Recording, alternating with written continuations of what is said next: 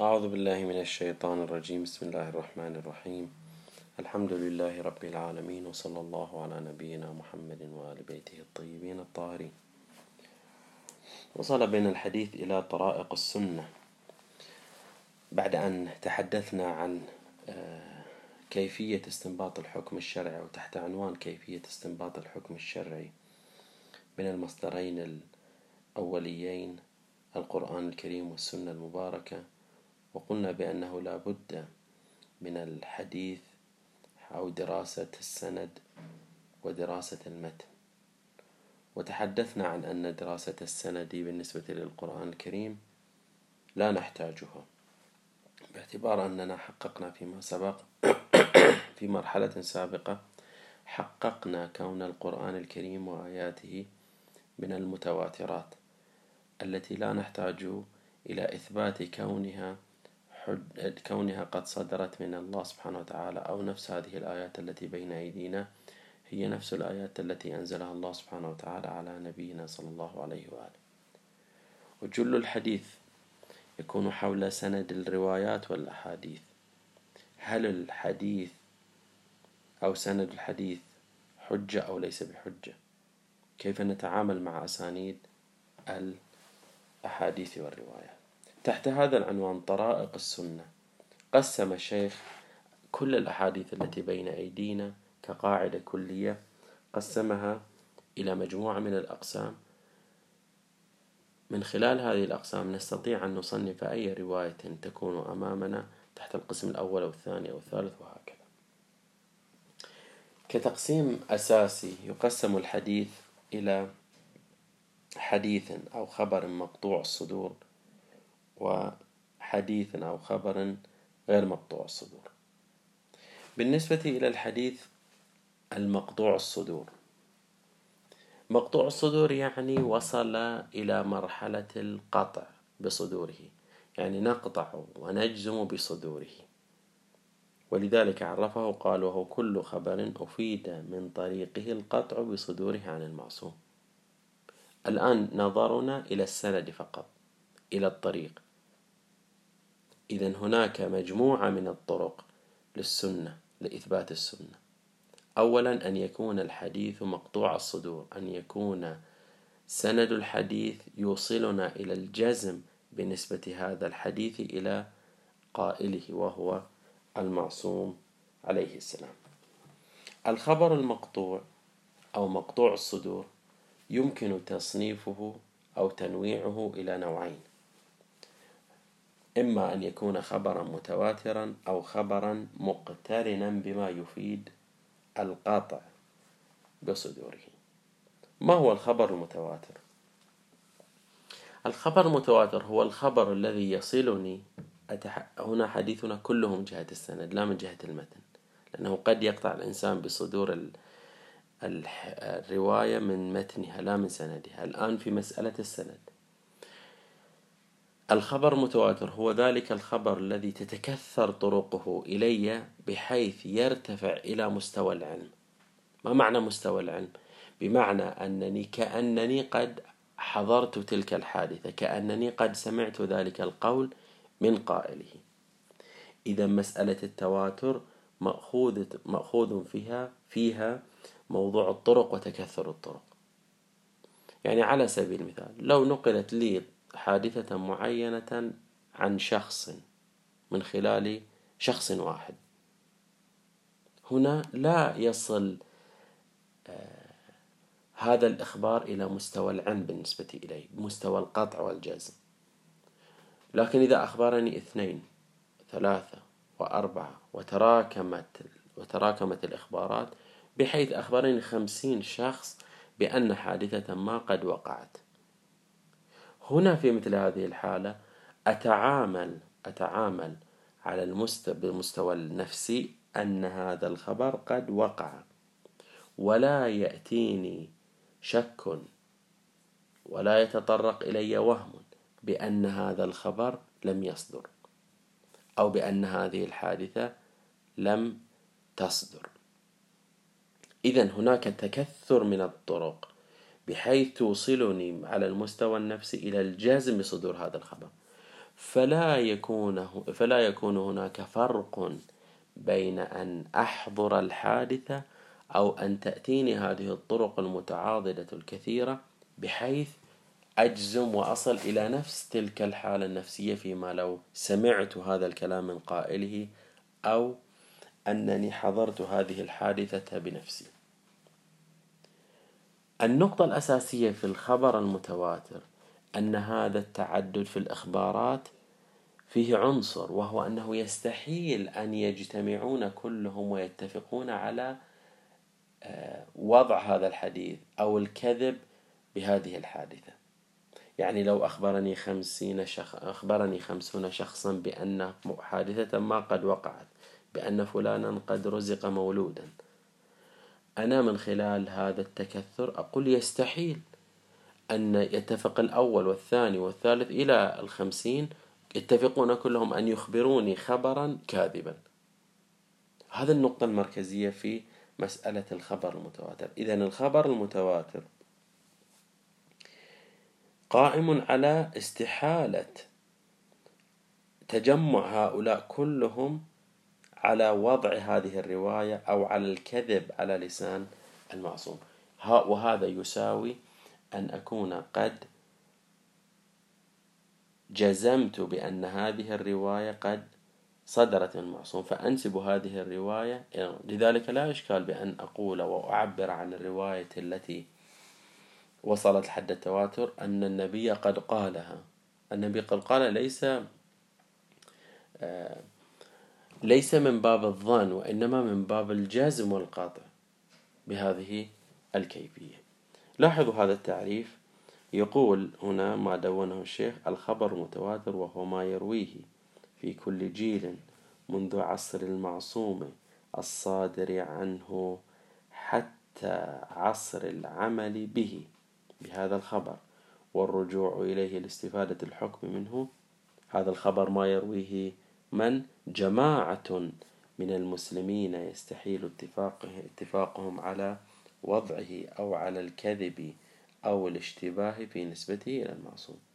إذا هذا التكثر الملاحظ فيه عدم إمكانية اتفاقهم على هذا الكذب على على الوضع والكذب هذا التكثر يولد في نفس السامع وفي نفس الواصل إليه هذه هذا التعدد يولد في نفسه قطعا وجزما بصدور هذه الرواية.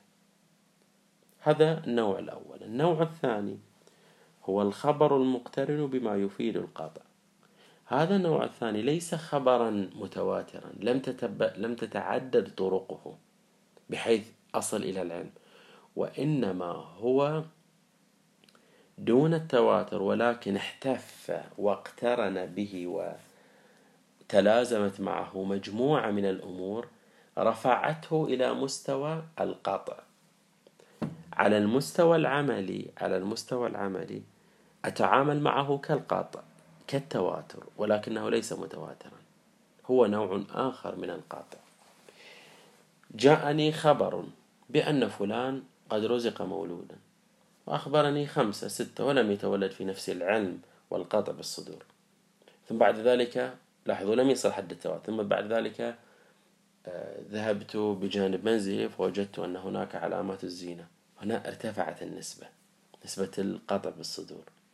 يعني اقتربت من القطع. على سبيل المثال وجدته في آه، دائرة آه، الأحوال المدنية في تثبيت المواليد. فهذا زاد من الاحتمال. وهكذا. كل هذه القرائن التي هي ربما تكون خارج الحديث ولكنني ولكنها تجعلني آه، أجزم وأقطع بصدور هذا الخبر من القرائن من القرائن صحة الرواة يعني وثاقة الرواة. كون الرواة من الأثبات من الدرجة الأولى من الرواة. ربما يقول شخص هذا يمثل لي قرينة قوية جدا على أن هذه الرواية أو أن هذا السند صحيح أو أن هذا السند مقطوم بصدوره بحيث أن هذه الرواية تنسب إلى المعصوم. إذا الفكرة الأساسية في الخبر المقترن أو المقرون بالقرائن هو أنه هناك أمور تحتف بالرواية فتجعلني أطمئن بصدور هذه الرواية وأجزم بصدورها. هذان النوعان الخبر المتواتر والخبر المقترن حجة. ما هو مركز الحجية هنا؟ لأنهما قائمان على مسألة القطع. ما معنى القطع؟ معنى الانكشاف التام. أقول أقطع بأن هذا الكتاب لمحمد. ماذا يعني هذا أقطع بأن هذا الكتاب لمحمد؟ بمعنى أنني قد انكشف لي واقع نسبة هذا الكتاب لمحمد. ربما لم أشهده وهو يشتري الكتاب. ربما لم أشهده وهو مثلا آه، يهدى إليه الكتاب. ولكن من خلال مثلا القرائن أو من خلال نقطة معينة وصلت إلى القطع. بمجرد أن أصل إلى القطع فكأنني قد وصلت إلى بر الأمان. هنا أستطيع بل يجب علي ترتيب الأثر على ما قطعت به. لماذا؟ لأن الانكشاف التام حجة علي. يوم القيامة إذا أذهب ويحاسبني الله سبحانه وتعالى على فعل معين ويقول لي قطعت. ما معنى قطع؟ يعني انكشف لك واقع الأمر. انكشف لك بحيث لا يوجد هناك احتمال ولو بسيط بأنه بأن ما اعتقدت به أو ما انكشف لك بأنه مخالف للواقع أو يوجد هناك احتمال في قباله. مثل هذا. هذه هذا المستوى مثل هذا الحد هنا يسمى بالقطع وهو حجة بالبداهة كما عبر الشيخ. إذا الخبر المتواتر والخبر المقترن بالقرائن هما قطع بالصدور. القطع بالصدور يعني حجة علي لأنه انكشاف تام. مثلا تأتيني رواية متواترة حديث الغدير حديث الثقلين. هذه هذا هذان الحديثان قد تواترت وتكثرت طرقهما إلى النبي صلى الله عليه وآله. ما معنى؟ بمعنى أن الإنسان الذي يطلع على كل هذه الأسانيد كل هذه الأسانيد توصلني إلى أن ال... توصلني إلى أن النبي قد قال إذا كان النبي وقد قال ذلك وأنا قررت فيما سبق بأن قول النبي حجة علي فأتعامل أنني كأنني سمعت هذا الخبر من النبي صلى الله عليه وآله. نقطة فقط ربما فاتتني في مسألة التواتر. التواتر الذي نتحدث عنه هو تكثر في الطرق على المستوى العرضي لا على المستوى الطولي. لاحظوا السند فلان عن فلان عن فلان عن, عن الإمام. هذا سند طولي. كل شخص منهم ينقل عن الآخر. هذا لوحده طريق. ثم هناك طريق آخر بجانبه. ثم هناك طريق ثالث. هكذا يت... نعم يتكون التواتر. أما لو كان لدي طريق وفي منتصف الطريق هناك مجموعة من الرواة العرضيين بمعنى أن الأول ينقل عن الثاني الأول ينقل عن الثاني والثاني ينقل عن الثالث والثالث ينقل عن أربعة. ثم بعد ذلك هؤلاء الأربعة ينقلون عن شخص. هذا نقول عنه متواتر. نعم هذه الرواية عندما نقل عنها عنهم شخص يعني شخص نقل عن أربعة بجانب بعضهم البعض هنا نكون ربما يكون التواتر عن هؤلاء الأربعة فقط. أما أكثر من ذلك لا يمكن. إذا نحن نتحدث في التعدد في التواتر التعدد العرضي لا التعدد الطولي التعدد الطولي لا ينفعنا في الواقع. هذا بالنسبة إلى القسم الأول. إذا قلنا بأن آه، الأخبار أو الأحاديث إما أن تكون أخبار مقطوع بصدورها أو أخبار غير مقطوع بصدورها. ليست متواترة وليست مقرونة بقرائن قطعية. وهو يعبر عنه بالاصطلاح الأصولي بخبر الواحد. خبر الواحد ليس الخبر الذي فيه سند واحد وإنما هو كل خبر لم يصل إلى حد القطع بصدوره. رواية لها ثلاثة طرق رواية لها أربعة طرق ولم تحتف بقرائن قطعية فهنا لا يمكن القول بأنها رواية متواترة وإنما تدخل في إطار خبر الواحد. خبر الواحد هو البحث المفصل جدا أو من المباحث المفصلة جدا في أصول الفقه. جل رواياتنا الموجودة بين أيدينا هي من أخبار الآحاد معنى أنها ليست متواترة ليس مقطوع بصدورها. وإن كان هناك يعني مدرسة في الوسط الإمامي تذهب إلى قطعية كل الروايات لكن لا يهمنا الآن فعلا هذا الأمر. الآن الواقع المعاصر بل حتى في القرون السابقة الروايات لا يقول أحد بأن كل روايات الكافي مقطوع بصدورها كل كل روايات مثلا الاستبصار مقطوع بصدورها كل روايات الوسائل مقطوع بصدورها. لا. هي روايات آحادية معنى روايات لن تصل لحد القطع إلى حد القطع بصدورها. هذه الروايات الآحادية هذا خبر الواحد. خبر الواحد كيف أتعامل معه؟ لا بد من ملاحظة سنده. لا بد من دراسة هذا السند على على ثلاثة مستويات. المستوى الأول على مستوى علم رجال الحديث والمستوى الثاني على مستوى علم الدراية أو علم الحديث والمستوى الثالث على مستوى علم أصول الفقه.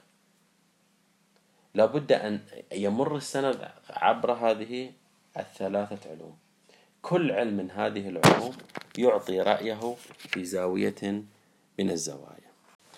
هنا أعطي مثالا تطبيقيا حتى يسهل الأمر. لاحظوا هذه الرواية أنقلها عن كتاب آه، الكافي.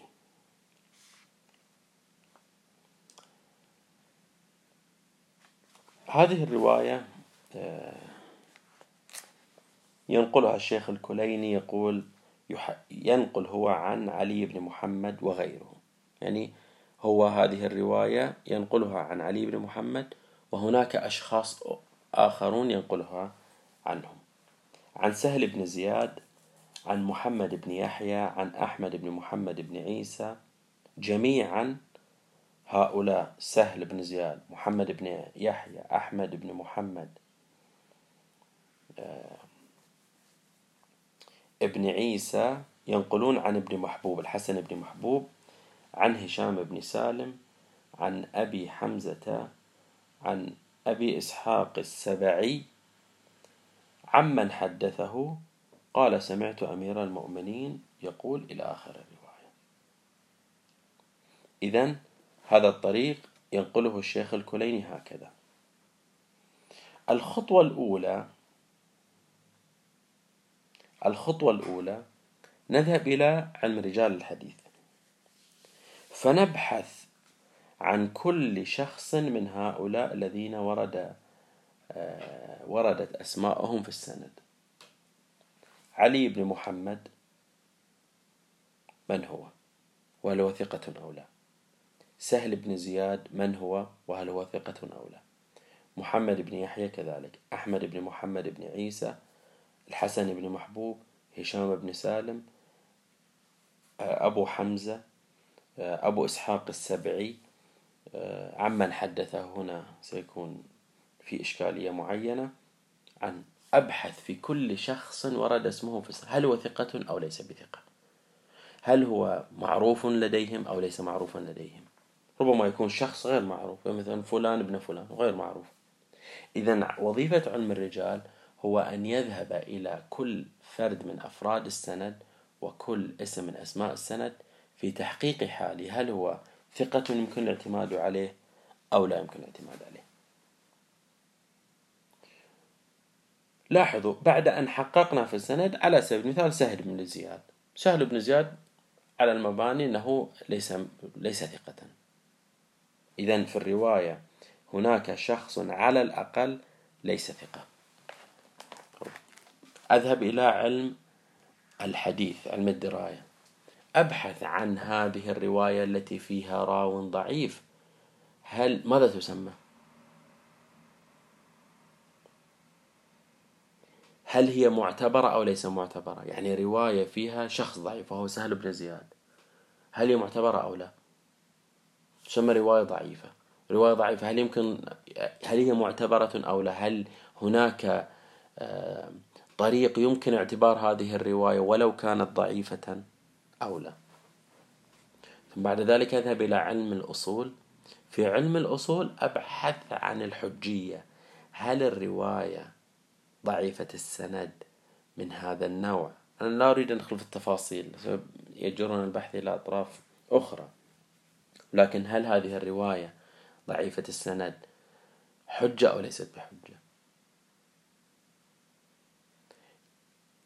علم الأصول يعطيني قاعدة. يقول كل رواية هذه أوصافها التي تسمى في علم دراية الحديث بهذا الاسم هي حجة أو ليست بحجة.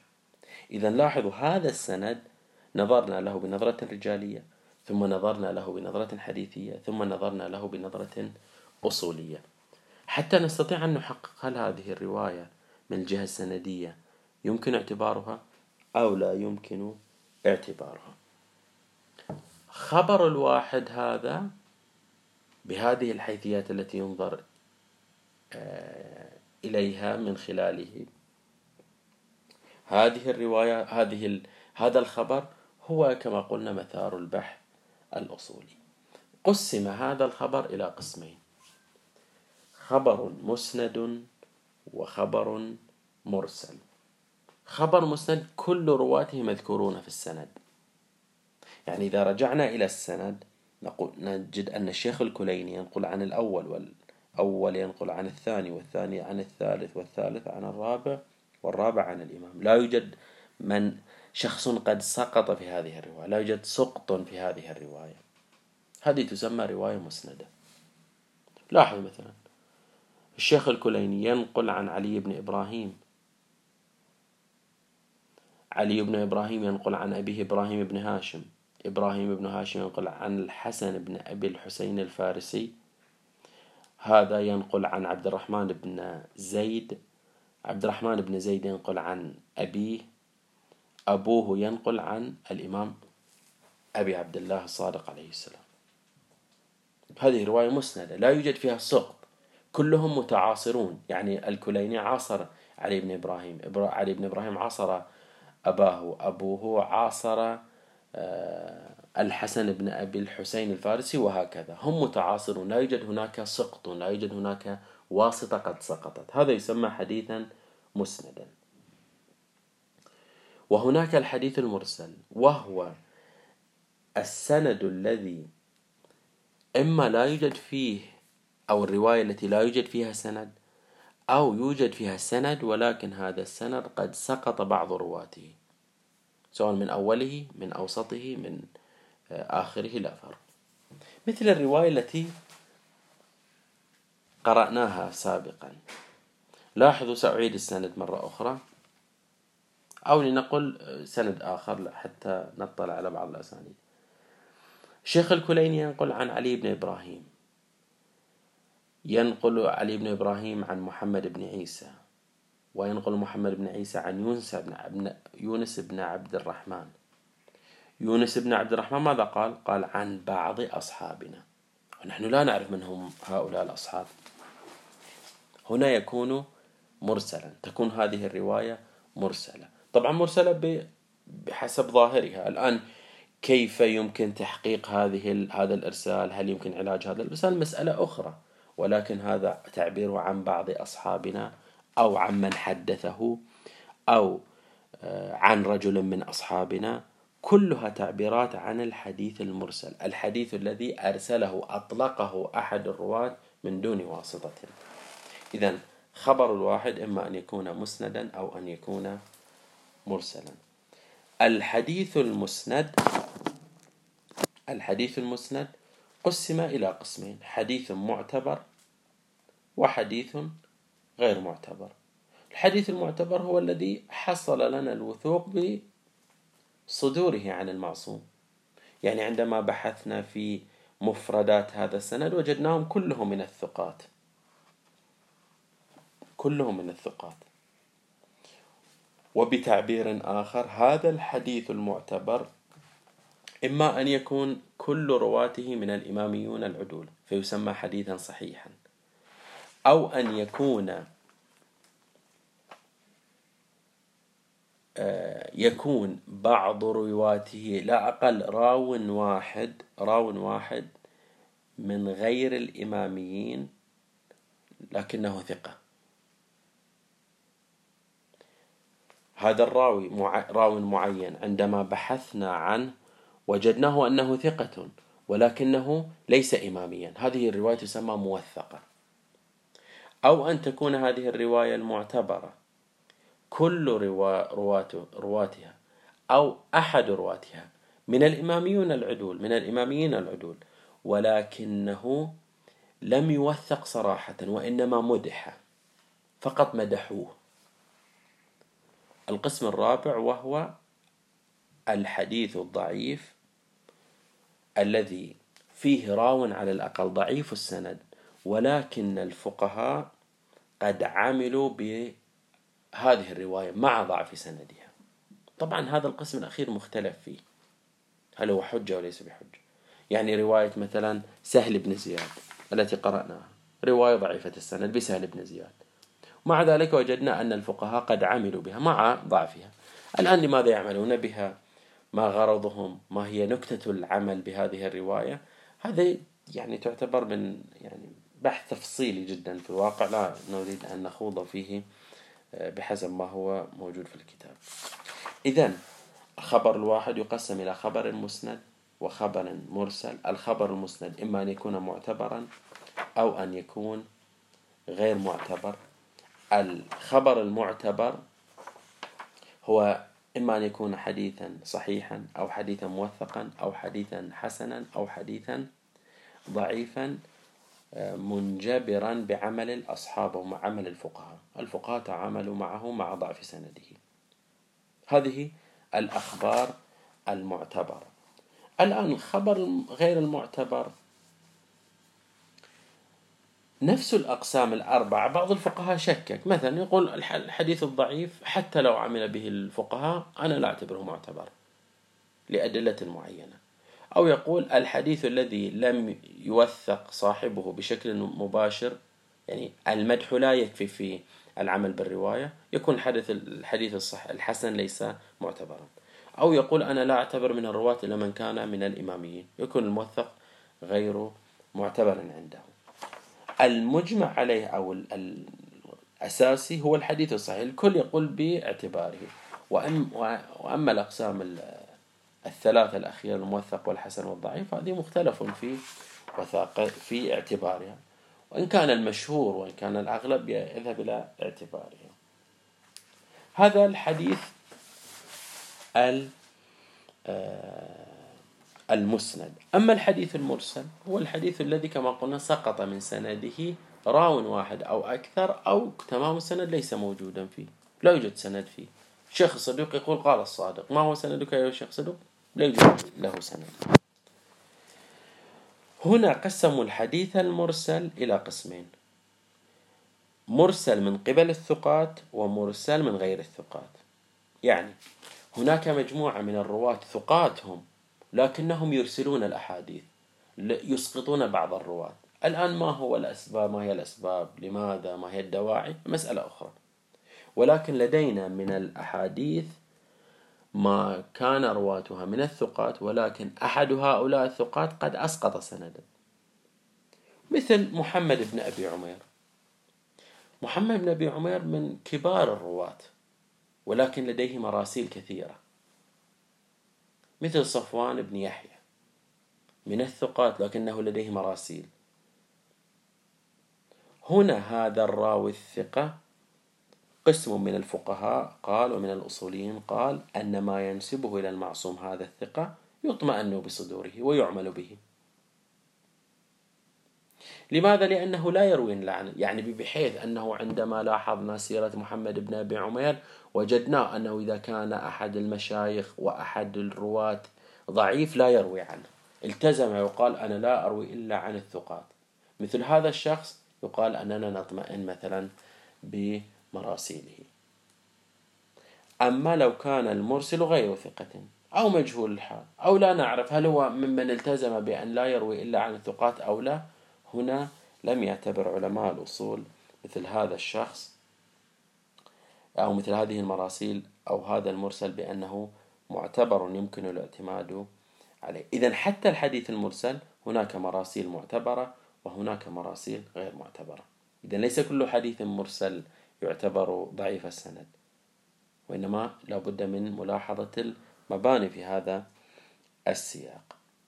يعلق هنا الشيخ في صفحة 38 يقول وهو يعني الحديث غير الثقة مرسل غير الثقة وهو ليس بحجة في رأي علماء أصول الفقه إلا إذا عمل بمضمونه الفقهاء فيعد حجة في رأي بعض علماء أصول الفقه. فإذا يكون كالحديث الضعيف المنجبر بعمل الفقهاء. إذا بعد كل هذه الجولة العامة حول الأحاديث وأقسامها نعطي هذه الخلاصة. أن الحديث إما أن يكون مقطوع بصدوره وهو المتواتر وما اقترن بما يفيد القطع أو غير مقطوع بصدوره إما أن يكون مسندا أو مرسلا. الحديث المسند منه معتبر ومنه غير معتبر. الحديث المرسل مرسل من قبل الثقات وهو معتبر مرسل من غير الثقات وهو غير معتبر. إذا القاعدة الأساسية في مسألة الأسانيد هو أن يكون هذا السند سند يوثق بصدوره عن المعصوم بصدور خبره عن المعصوم. هذا الرؤية الكلية لمسألة الأسانيد. إذا نحن في الأسانيد نريد أن نطمئن بأن هذا السند الذي أمامنا هل يوصلنا إلى المعصوم؟ أو لا يوصلنا إلى المعصوم. هذا تمام الحديث عن البحث في مسألة تحقيق الأسانيد بشكل إجمالي والتفاصيل إلى المطولات. إلى الجلسة القادمة والحمد لله رب العالمين.